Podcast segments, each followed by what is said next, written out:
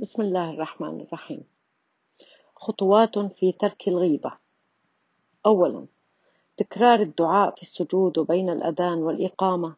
اللهم اجعل كتابي في عليين واحفظ لساني عن العالمين. ثانيا في كل مرة نغتاب فيها أحد لابد وأن نجبر أنفسنا على أن نستغفر عنه مئة مرة. منها حافظت على حسناتك ومنها عودت نفسك على حفظ لسانك. ثالثا أكثر من هذا الدعاء ليكون قلبك سليما لكل مؤمن وبعدها لن تغتاب بإذن الله.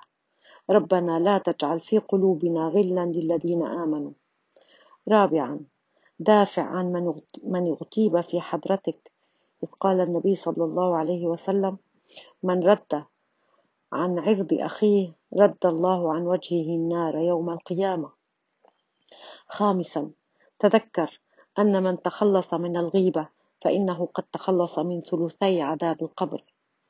سادسا سبحانك اللهم وبحمدك أشهد أن لا إله إلا أنت أستغفرك وأتوب إليك.